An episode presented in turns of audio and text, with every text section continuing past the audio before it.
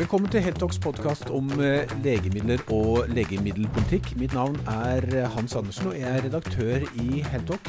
I dagens episode har vi gleden av å ha med oss eh, Jens Torup Østby, som er sjef for markedsadgang og legemiddelpolitikk i Bristol Mayers Squibb. Velkommen skal du være, Jens. Tusen takk. Vi skal uh, snakke om prioriteringer i helsevesenet. Prioriteringer av uh, metoder uh, og ikke minst legemidler. Og hvorfor det er så vanskelig, og hvorfor dagens modell etter din mening bør endres. Men aller først, Jens, prioritering. Du er jo samfunnsøkonom, og et faget deres handler i stor grad om prioritering og hvordan man får til en effektiv fordeling av goder i samfunnet. Men Hvorfor er fordeling så vanskelig, og hvorfor er den så spesielt vanskelig innenfor helsevesenet? Jeg tror ikke det er spesielt vanskelig innenfor helsevesenet, men det er jo veldig tydelig på vårt område. Det skjer veldig systematisk, og særlig på legemidler så annonseres jo disse um, prioriteringene en gang månedlig. Så det blir jo veldig fokus på dem. Men uh, altså når du prioriterer innenfor et lukka budsjett, så skaper jo det en viss fordeling med vinnere og tapere. så det er jo vanskelig i seg selv. Men særlig nå når du skal kanskje endre prioriteringsreglene, sånn som vi vurderer i forhold til ny prioriteringsmelding, så vil jo det føre til omfordeling. og Da blir det jo veldig synlig igjen hvem som eventuelt taper mer. Så Det er jo det som gjør det veldig vanskelig. Da. Dere sosialøkonomer dere, dere snakker om uh, fordelinger som uh, tar uh, gode fra noen for at andre skal få det bedre. Og dere snakker også om fordelinger som er til beste for alle. Eh, såkalt Pareto-optimale fordelinger? Ja, du kan si det er enkelte fordelinger som måtte føre til effektivisering. Sånn at du kan tenke deg at eh, hvis man omfordeler, flytter ressurser fra et sted til et annet, så kan det føre til at den totale velferden øker. Og hvis du har en sånn eh, effektivisering som fører til at totale velferden øker uten at noen får det verre, da har du en såkalt Pareto-forbedring. Og det er jo helt uproblematisk, eh, men det er veldig sjeldent. Det som er mye vanligere, er det man kaller en Kaldor-Hicks-forbedring. At eh, noen får det bedre ved at du, at du omfordeler, mens noen får det verre. Og Hvis de som får det verre er en svak gruppe, så kan det være veldig problematisk. Og kanskje så problematisk at du ikke får gjort det som i utgangspunktet er samfunnsøkonomisk effektivt. Så det er ikke unikt for helse. det er Sånn ser du i handel også, f.eks. Internasjonal handel. De fleste stater blir rikere på å spesialisere seg og handle med andre. Men det kan også være grupper som uh, taper innad i landet, hvis man ikke fordeler skikkelig. Og innenfor prioritering, og hvis vi nå snakker primært om helse, så starter prioritering på politisk nivå. Eh, det starter først med hvor stort helsebudsjettet skal være, og så kommer eh, kampen om hvordan fordelingene skal være innad i helsebudsjettet. Ja, altså helt klart. Prioritering mellom budsjettene er jo en politisk sak. Og mens prioriteringen innad i i helse, den har jo blitt ganske apolitisk. ved at det, Kanskje med gode grunner så har eh, politikere tatt avstand fra å ta disse vanskelige valgene. Det er jo ikke noe du vinner eh, kanskje eh, blir populær på.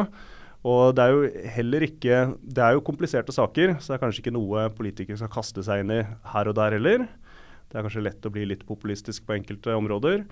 Så det er lurt å ha gode prinsipper, og det har man jo eh, for så vidt med de norske prioriteringsreglene. Så det styres primært av disse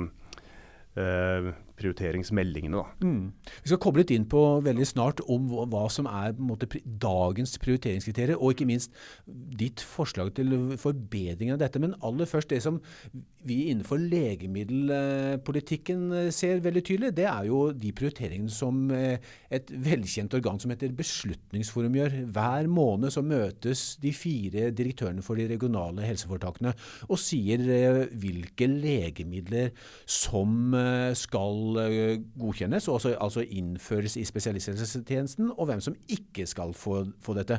Og, og, Kan du bare si litt ord, hvilken rettesnor er det disse fire direktørene da bruker for å si enten ja eller nei? Ja, det, det er jo disse tre prioriteringskriteriene som gjelder i dag. Da har du to kriterier som heter ressurskriteriet og nyttekriteriet.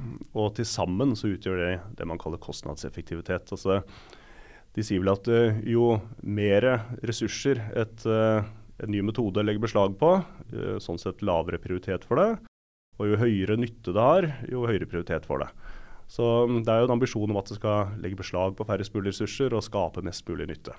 Da har man et mål på kostnadseffektivitet. hvor Man vurderer om dette her er god bruk av pengene eller ikke.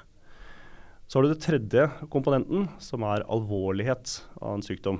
Og si, Mens de to første måler effektivitet, om det er effektiv fordeling av ressursene, så spiller den inn som en rettferdighetsprinsipp. Altså Den er villig til å ofre noe effektivitet for å skape noe rettferdighet. Så den er villig til å betale noe mer for de som er um, sitter dårlig i det, kan du si, eller som har veldig, dårlig, eh, som har veldig alvorlige sykdommer, sånn som man har definert det. Så, så, du vil si at dagens prioriteringskriterier den prioriterer alvorlig sykdom øh, i, i, særlig grad?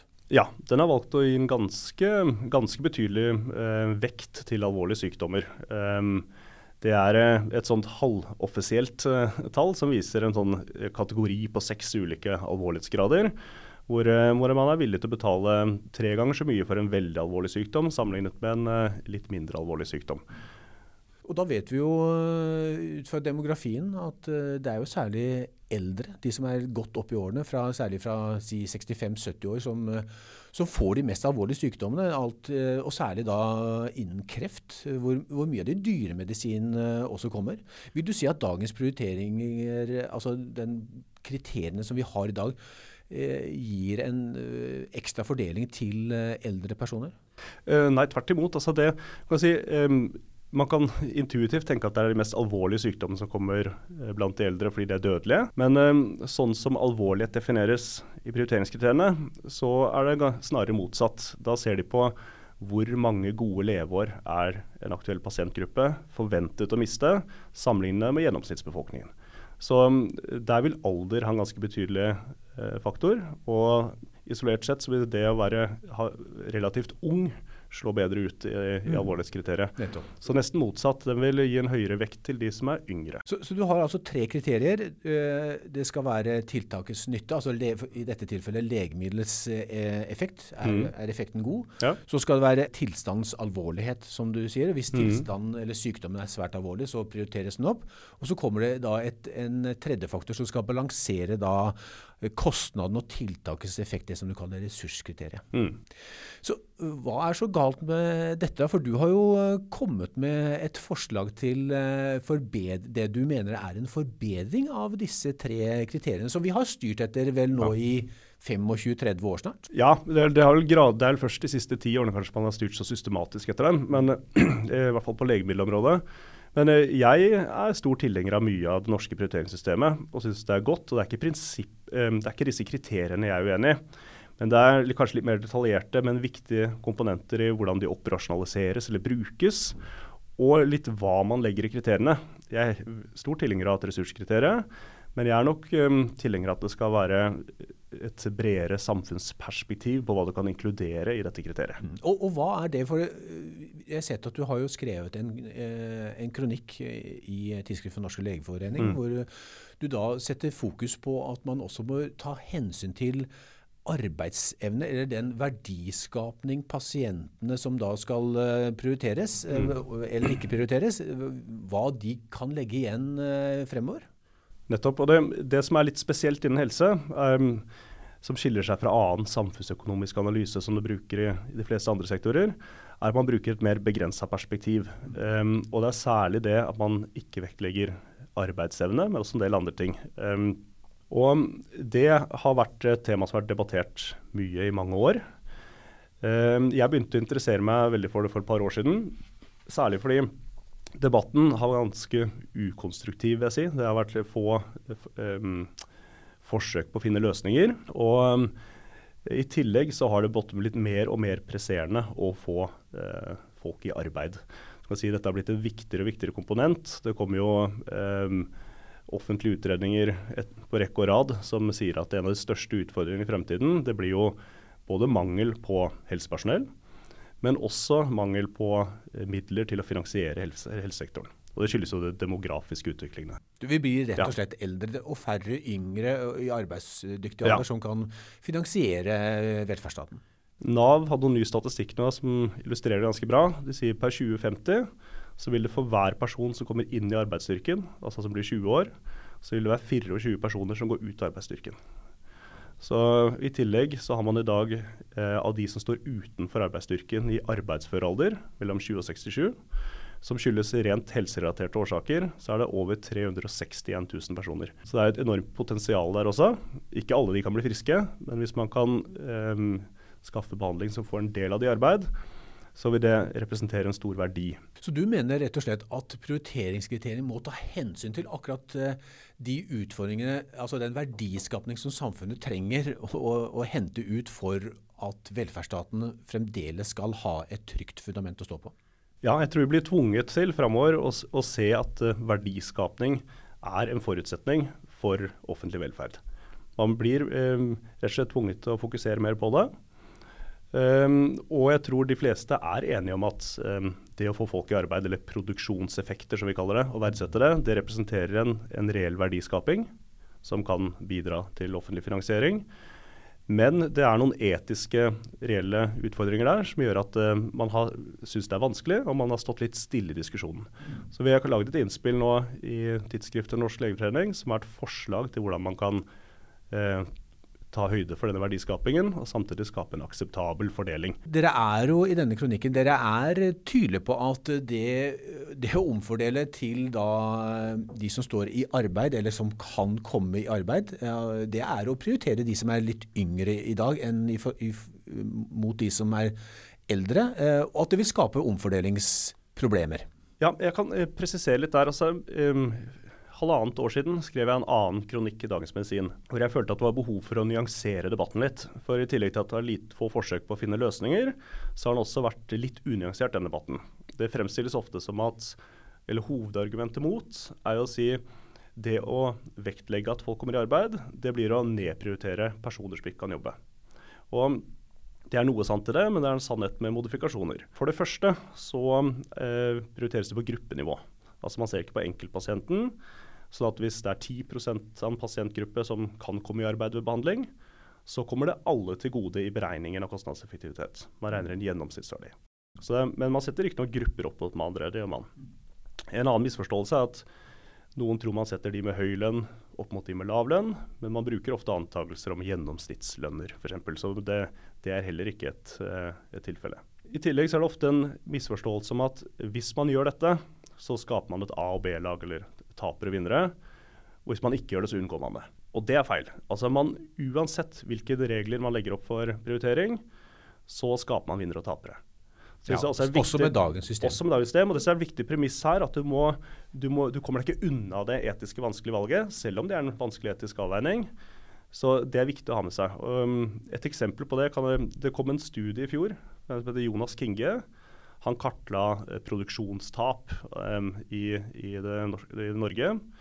Og han konkluderte noe sånn med at hvis man vektlegger arbeidsevne, så vil man gi en relativt høyere prioritet til um, pasientgrupper med yngre pasienter, særlig, med kroniske sykdommer i arbeidsfør alder. Så du mener altså at dagens prioriteringsmodell, der kommer de yngre kronikerne ut som tapere? Eh, vel, det er, si, det er, jo mange komponenter her. Det snakkes ofte som at dette her er liksom, hvis man vektlegger arbeidsevne, så vil det være ja. en sånn alt, veldig styrende ting. Jeg tror det vil være en liten komponent som spiller inn. Som sagt, alvorlighet jo, eh, vekter jo kanskje de yngre høyt. Men det å ikke vektlegge arbeidsevne vil jo da tilsvarende gi en relativt høyere prioritet til eldre pasientgrupper med dødelige sykdommer. Nettopp. Og um, Jeg kan ta psykiatri for, som et eksempel. De er ofte en relativt ung gruppe. Hvis man kommer med gode behandlinger der som uh, fungerer godt, så vil det være vanskelig å vise noe overlevelseseffekt, fordi de er så unge. Du får ikke vist det i en studie ofte. Um, du kan kanskje vise noen livskvalitetseffekter, men hovedverdien vil jo få, være å få dem tilbake i samfunnet, i jobb f.eks. Og sånn som systemet er nå, så vil jo det ikke tas høyde for. Nettopp. Og, um, så det, poenget er at det, det, er vanskelige avveininger. Det har de helt rett i, de som ikke vil eh, vektlegge dette. Men det går begge veier. Sårbare grupper taper uansett. Så, så ditt poeng det er at uh, hensynet til uh, verdiskapning, uh, altså det som den enkelte menneske som skal behandles, da, kan legge tilbake i samfunnet så, i form av arbeid og skatt og, og andre verdier, det må hensynstas i prioriteringen. Det må også tas med. Det Ja. snakkes av og til som at da blir alle de som kan jobbe, prioritert mot de andre. Det skjer ikke. Sånn vil det være det politikere. De vil enten sette deg i en bås, men du vil ikke settes i den båsen. Eh, Det, det vil ikke være så eh, overstyrende uansett, men dette blir en viktig komponent. Det kommer jeg fram til. Men eh, en tredje misforståelse vi kan ta veien også, er at ved å vektlegge at folk kan arbeide, så tror noen at man skal vektlegge veldig mange andre kostnader ved at folk lever lenger. Og det, Der er det litt vanskelig for å forstå hva de mener. Fordi det er jo sånn at for Pensjon regnes jo ikke som en kostnad, for det er en overføring i samfunnsøkonomisk forstand. Så forflytning av penger mellom personer er ikke en kostnad. Du vil kanskje legge beslag på flere ressurser, men um, det betyr ikke at du skal regnes som en kostnad når du lever lenger eh, etter pensjon. Det regnes som et ubetinget gode at vi lever lange, gode liv. Så, men det, det som leder opp til forslaget mitt, da, Ja. du kan si, det er har vi råd til å la være? Og I det ligger det et paradoks. um, at ved å la være med å prioritere, eller verdsette at folk kan komme i arbeid, så vil du jo antageligvis få færre i arbeid, og dermed færre skatteinntekter og færre offentlige midler til å finansiere velferd. Så paradoksalt nok kan du være med på å bidra til å undergrave et offentlig finansiert helsevesen i fremtiden, ved at man av etiske grunner ikke vil prioritere at folk kan skape verdier. Og da, kan du sånn sett, da må du behandle færre pasienter. Så der ligger det også et etisk aspekt. Hvem er det som ikke skal få fordi man velger sånn? Og det har leda til at jeg sammen da Ivar Sønbe Christiansen, professor emeritus i helseøkonomi, har skrevet denne kronikken i tidsskriftet hvor vi ser på er det mulig å ta høyde for eh, denne verdiskapningen på en måte som er akseptabel eh, blant befolkningen og kritikerne av å vektlegge dette. Og hvordan kan man gjøre dette eh, akseptabelt, da, slik at det ikke blir et nullsumspill, at eh, den ene gruppen vinner og den andre gruppen taper eh, i helse? Og det, det er jo tilbake til det jeg snakka om i stad. Altså, vi har jo disse fordelingene. Um, og ved å vektlegge at folk kan komme i arbeid, så vil det jo antageligvis alt annet likt bli flere som kan jobbe. Det vil være bra for privatøkonomien til pasienten og pårørende. Og um, antageligvis vil um, arbeids- og velferdsbudsjettet spare inn en del av disse overføringene som går til disse, som kan brukes til andre ting. Men det vil også skape mer skatteinntekter. Og det er disse skatteinntektene som da er tilgjengelig for fordeling. Um, vi kan ikke begynne å omfordele en bedre privatøkonomi hos pasienter og, og pårørende, men denne økte skatteinntekten, det er den vi foreslår at den er på en måte eh, velferdsøkningen, og det er den som kan brukes til å kompensere de tapende partene. Men Det betyr ikke nødvendigvis at de som eh, taper akkurat her og nå, eh, fordi at de blir nedprioritert, la oss si en kreftpasient, den, eh, det er jo ikke han eller hun nødvendigvis som får denne omfordelte, verdis, omfordelte verdien. Eh, Det, andre, det kan være andre i samfunnet. ikke sant? Ja, jeg kan komme litt inn på detaljene i forslaget, men det er jo et teoretisk argument det der at hvis vi prioriterer hvis vi vektlegger det at folk kan arbeide og prioriterer en gruppe, så vil det automatisk prioriteres ned en annen gruppe. Eh, men hvis man følger det teoretiske argumentet, så vil det også være sånn at de som det er litt teknisk dette men de som på marginen prioriteres ned, de vil også være de på marginen som prioriteres opp når det kommer nye penger til helsebudsjettet. Så teoretisk så kan det være en ganske treffsikker løsning, dette her. Det er litt teknisk. Men hovedpoenget er at du kan, ved å gjøre som vi foreslår, så får du behandlet flere pasienter. Du får skapt mer helse, flere gode leveår. Og det er kompensasjonen på at man må gjøre en omprioritering. Nå har jo eh, statsråden, helseministeren, hun har jo nedsatt tre ekspertutvalg som eh, skal gi henne råd. Og ett av disse ekspertutvalgene det, det, det skal faktisk se på dette perspektivet, dette arbeidsperspektivet, eller produktivitetsperspektivet, hvis du kaller det det. Eh, Det kommer eh, med sin, eh, sitt råd nå til helseministeren i løpet av noen få ukers tid. Hva, hva tror du de kommer til å foreslå for henne? Nei, Det er vanskelig å si. Hans Olav Melberg som har leda dette, er profesjonell. Han har ikke gitt noen hint. Eh, Jeg har fått være med å presentere forslaget vårt eh, sammen med legemiddelindustrien eh, for gruppa, som jeg tror de mottok med interesse. Um, så det blir spennende å se. Det er vel 15.2 vi får vite det. Ja. Ja. Det, det blir litt sånn eh, som eksamen. Og så, og så skal eh, statsråden og departementet eh, sitte da og skrive denne meldingen basert på, på disse innspillene, og bl.a. andre høringsinnspill også. Eh, og så har vi hørt nå at eh, denne meldingen kommer ikke som bebudet i 2024. Det ser mest sannsynlig ut at den kommer i 2025. Så da er det jo også litt mer tid til å tenke. Det kan være positivt. Uh, tror ikke Jeg vil ha en god melding enn for hastet melding. Så, ja. men, men, Jens Tore Pøsteby, uh, altså til syvende og sist uh, sitter nok mange og stiller spørsmålet hva er egentlig et liv verd? Vi, vi, i, I trafikken så snakker vi om, om, om dette, og det er, ligger til grunn for sikring av vei, bygging av motorveier, autovern osv. Jo, i helse snakker vi jo definitivt om det. men Eh, det er veldig sjelden at det kommer noen kroner på bordet som forteller et liv er verdt så og så mye. Hva, hva er, finnes det et slikt tall? En, en, av de viktigste verdiene i vårt system, det er den som eh, forteller hva eh, som et godt leveår er verdt, hvis du bruker pengene effektivt. For Når du regner kostnadseffektivitet, så regner du hvor mye mer koster det å frembringe ett ekstra år med helse, hvis du har en bedre behandling som erstatter noe gammelt som også er dyrere. Det er det som kalles ja. kvalitetsjustert eh, leveår på fagspråk? Det er det som regner den eh, nyttekomponenten, men så må du jo vekte det mot kostnadene. Og Da får du et eller annet tall, eh, og det er ikke gitt hva som er kostnadseffektivt. Da må du ha et mål, og det målet det er rett og slett eh, det man kaller en alternativkostnad. Eh, litt forenkla kan du si. Den forteller oss om det går an å skaffe et godt leveår ved å bruke pengene på andre måter, eller om den ehm, metoden du vurderer er en god bruk av pengene.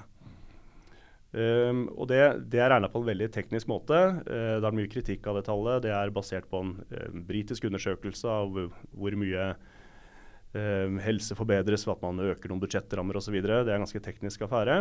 Men um, selv hvis man aksepterer det utgangspunktet, som ligger da på det ble sagt 275 000 i, i 2015, så vil jo det variere fra år til år, for det bygger på en del forutsetninger. Men det har blitt holdt nominelt stille på samme nivå, eh, altså 275 000, helt siden 2015. Og da fungerer det ikke lenger som en målestokk. For, rett og fordi at uh, man bruker egentlig mer enn 275? Det, det, kan gå både opp og ned. Altså, det, det, dette målet det varierer med eh, hvis produktiviteten i helsevesenet øker. Altså Hvis man klarer å utføre oppgavene sine mer effektivt, så vil den, den verdien gå ned. Da vil det bli billigere å frembringe et godt leveår. Men hvis den andre faktoren som trekker andre veien, er hvis kostnadsnivået i helsetjenesten øker, altså alternativ bruk av pengene. Hvis legene blir dyrere, hvis uh, lønningene hos andre uh, sykepleiere øker, så vil det trekke alternativkostnaden opp. Så du har um, det kan, I prinsippet kan de 275 000 gå både opp og ned, altså som forteller oss hva et godt leveår er verdt. Men mye tyder på at kostnadsveksten har vært høyere enn produktivitetsveksten. Som innebærer at de 275 000 burde vært langt høyere i dag. Menon har kommet med et anslag i, på slutten av året i fjor hvor de mener at det er rundt 400 000 det burde ligge. Hvis man da forholder seg til de 275 000, så risikerer man å si nei til ting som er kostnadseffektivt, som er god bruk av pengene. Og så bruker man pengene på andre områder som kanskje ikke er så effektive. Så Når Beslutningsforum uh, møtes en gang i måneden, så har uh, disse fire direktørene de har egentlig, som du sier, har de 275 000 kroner å putte inn for å, å, å, tilby pasientene et ekstra godt leveår? Et nytt godt leveår? I utgangspunktet så er det man ser etter, så er det slik at uh, man er villig til å betale mer jo mer alvorlig sykdom det er, som jeg har sagt. Og da er det kan si, seks kategorier alvorlighet som går stegvis opp til 825 000. Det er det man antar. Nøyaktig hvor eh, statisk man bruker disse tallene, det er litt vanskelig å få vite. Eh, vi i firmaene opplever at de brukes veldig i tråd med den trappa. Ja, Magnussen-trappa, som ja, det på så vakkert heter. Det er viktig å presisere at Jon Magnussen eh, foreslo dette som et utgangspunkt eller noe å diskutere ut fra. Han har vel aldri sagt at det skal brukes direkte, eller at det eh, det ligger konkret vitenskap bak den eh, trappa med, de, med disse tregangeren du er villig til å betale for en alvorlig sykdom.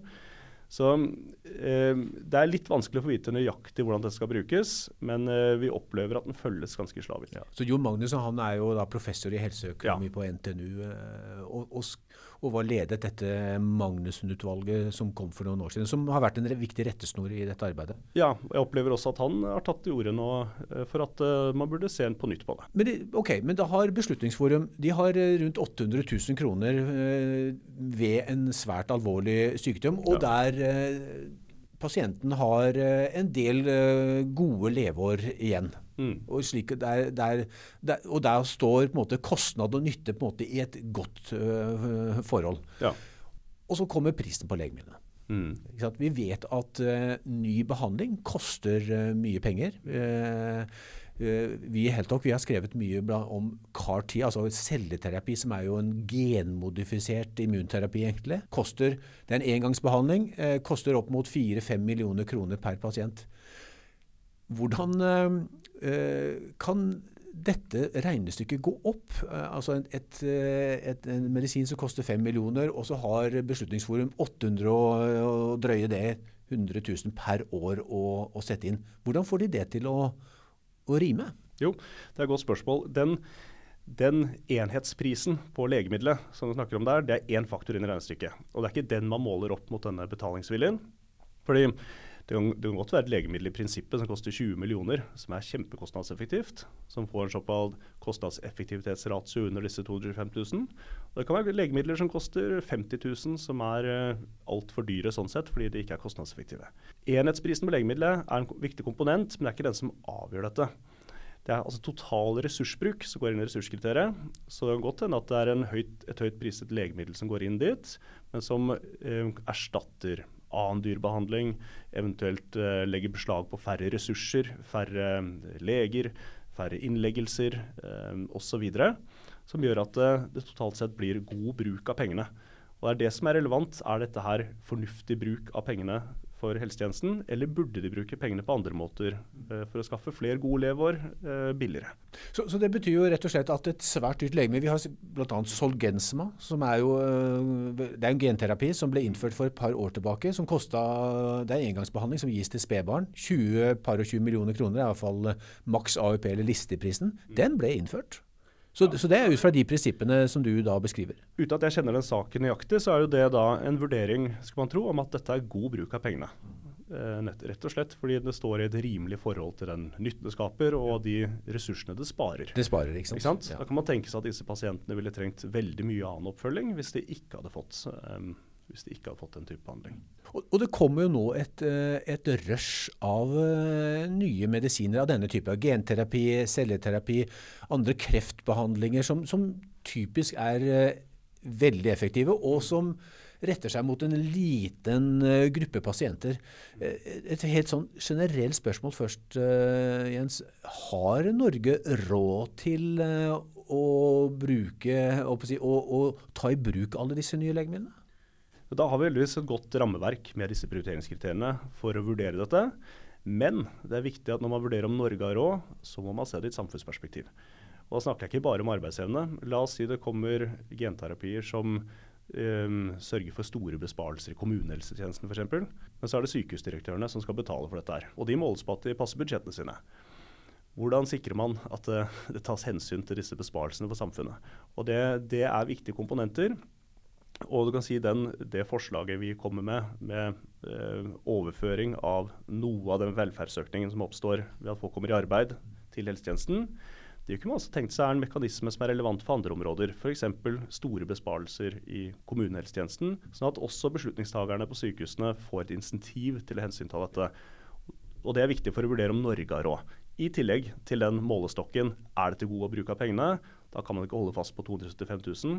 Da må man finne ut hva er et godt leveår virkelig verdt. Litt i den konteksten med kommunehelsetjenesten. Nå et, En av de store nøttene som Beslutningsforum eh, må kanskje allerede i år, eh, men veldig snart komme til å se på, det er jo innføringen av en, en ny Alzheimer-medisin. Altså den, det er et legemiddel som eh, listeprisen koster rundt 500 000 kroner, og som er relevant for veldig, veldig mange pasienter, Alzheimer-pasienter i en tidlig fase. Hvordan, altså, hvordan skal Beslutningsforum klare å regne hjem en sånn eh, beslutning?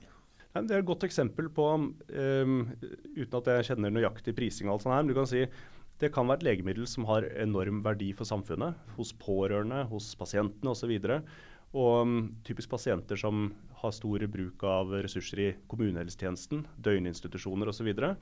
Hvis det skulle vise seg at sånt legemiddel har uh, store besparelser på de områdene, så ville jo det vært et gode for samfunnet. Men uh, jeg skjønner at sykehusdirektørene har en veldig vanskelig jobb hvis de blir målt på om de passer budsjettene sine. Og rett og slett må betale for dette her, men ikke får noe av nytten. Eller ikke får noe av insentiver til å ta høyde for den nytten. Så igjen et godt eksempel på at vi må nok se nytt og tenke nytt på disse finansieringsmekanismene og komme vekk fra disse veldig stramme budsjettsiloene. Ja. Så, så, med dagens modell, hvor man ikke hensyntar eh, egentlig innsparingen i kommunehelsetjenesten, så vil det være vanskelig for et slikt legemiddel å få godkjenning i Beslutningsforum? Ja, Hvis man ikke tar høyde for disse tingene, så vil jeg jo tro det. Uten at jeg kjenner den, den saken i, i, detalj, så vil jeg tro at um, Um, eldre pasienter der har nok mye høyere bruk av kommunehelsetjenesten og døgninstitusjoner der som typisk finansieres av kommunehelsetjenesten. Så, men det er også igjen et uh, perspektiv med pårørende, som brukes i stor grad der. ikke sant? Og kanskje deres uh, fravær fra arbeid og tidsbruk osv. Så, videre. så alt det er relevant. Men Jens Tore Pøsbø, hvis vi da kommer tilbake til forslaget ditt. kan du være helt krystallklar og konkret? Hva kommer det til å innebære, og hva, uh, hva foreslår du? Ja, og Dette er jo et forsøk på å komme med uh, løsningsforslag, og ikke bare kritisere systemet, men faktisk forbedre det. Det handler om som nevnt, at um, ved, man har gode beregninger i dag um, av hva man estimerer vil bli effekten av å få et nytt, nytt legemiddel. Legemiddelindustrien gjør uh, solide beregninger, sender dem inn til Legemiddelverket, som bruker om lag et halvt år på å vurdere disse. Så blir godt kvalitetssikret. Hvis man da kan estimere hvor mye mer skatteinntekter man ville fått ved å få personer i arbeid, så kunne man hatt en ordning hvor man delt, fordelte deler av det overskuddet tilbake til helsetjenesten. Noe skal forbli i arbeids- og velferdsbudsjettet, så de også har et insentiv til det. Men noe av det fordeles tilbake til helsetjenesten, så man får økt finansiering i helsetjenesten. Og Da sikrer du rett og slett at du får en ja, mer bærekraftig, målrettet finansiering av helsetjenesten. Og man sikrer også at flere kommer i arbeid, som ikke er urimelig at noen av de kanskje kan jobbe i helsesektoren igjen. For, for det er noe av problemet med, med ditt uh, forslag, og med mye gode, mange gode forslag, det er at uh, de positive skal vi si, de eksternalitetene de uh, havner i lomma på andre deler av staten og samfunnet? Ja, nå skal jeg kanskje ikke gå for mye i tekniske detaljer, det står i, i, i kronikken. Men um, du kan si at det, det, finnes slike mekanismer i dag allerede. Man har, det, man har tradisjon for store budsjettkonsekvenser uh, overføre nødvendige midler um, uh, ved statsbudsjett. Så vi har foreslått noen konkrete forslag til hvordan man ved mindre beløp kan overføre disse beløpene ved uh, ulike budsjettsalderinger gjennom året og større eh, eh, beløp kan man se på selve statsbudsjettet. Men eh, vi har også tatt høyde for andre ting som noen har bekymringer rundt. Hvis man vektlegger verdien av å få folk i arbeid, vil legemiddelselskapene bare øke prisen tilsvarende, så man tar hele den verdien. Så er har vi også noen forslag på hvordan man skal vekte denne verdien, sånn at ikke eh, vi som firmaer kan ta hele den verdien. Så vi har prøvd å ta hensyn til alle aspekter som det er bekymring rundt og berørt, eller i hvert fall få, kommet forslag på alle de vanskelige tekniske komponentene som må, må, berøres. Og mener at her er det gode grunnlag for å få til å være, være litt uh, vågale uh, nå, før man blir tvunget til å tenke uh, til å ta inn et samfunnsperspektiv. Veldig spennende tanker, Jens Tore Pøsby. Denne debatten er definitivt ikke over. Den er det er akkurat nå på forpostfekting. Jeg tenker at eh, når eh, ekspertgruppene nå legger frem sine innstillinger, så kommer vi til å måtte ta tak i dette her flere ganger. Da er du hjertelig velkommen eh, tilbake, og da gjerne også med noen du kan bryne deg på i debatten. Jens Tore Pøsby, tusen hjertelig takk for at du kom. Du er veldig gjerne. Takk for at du ville komme.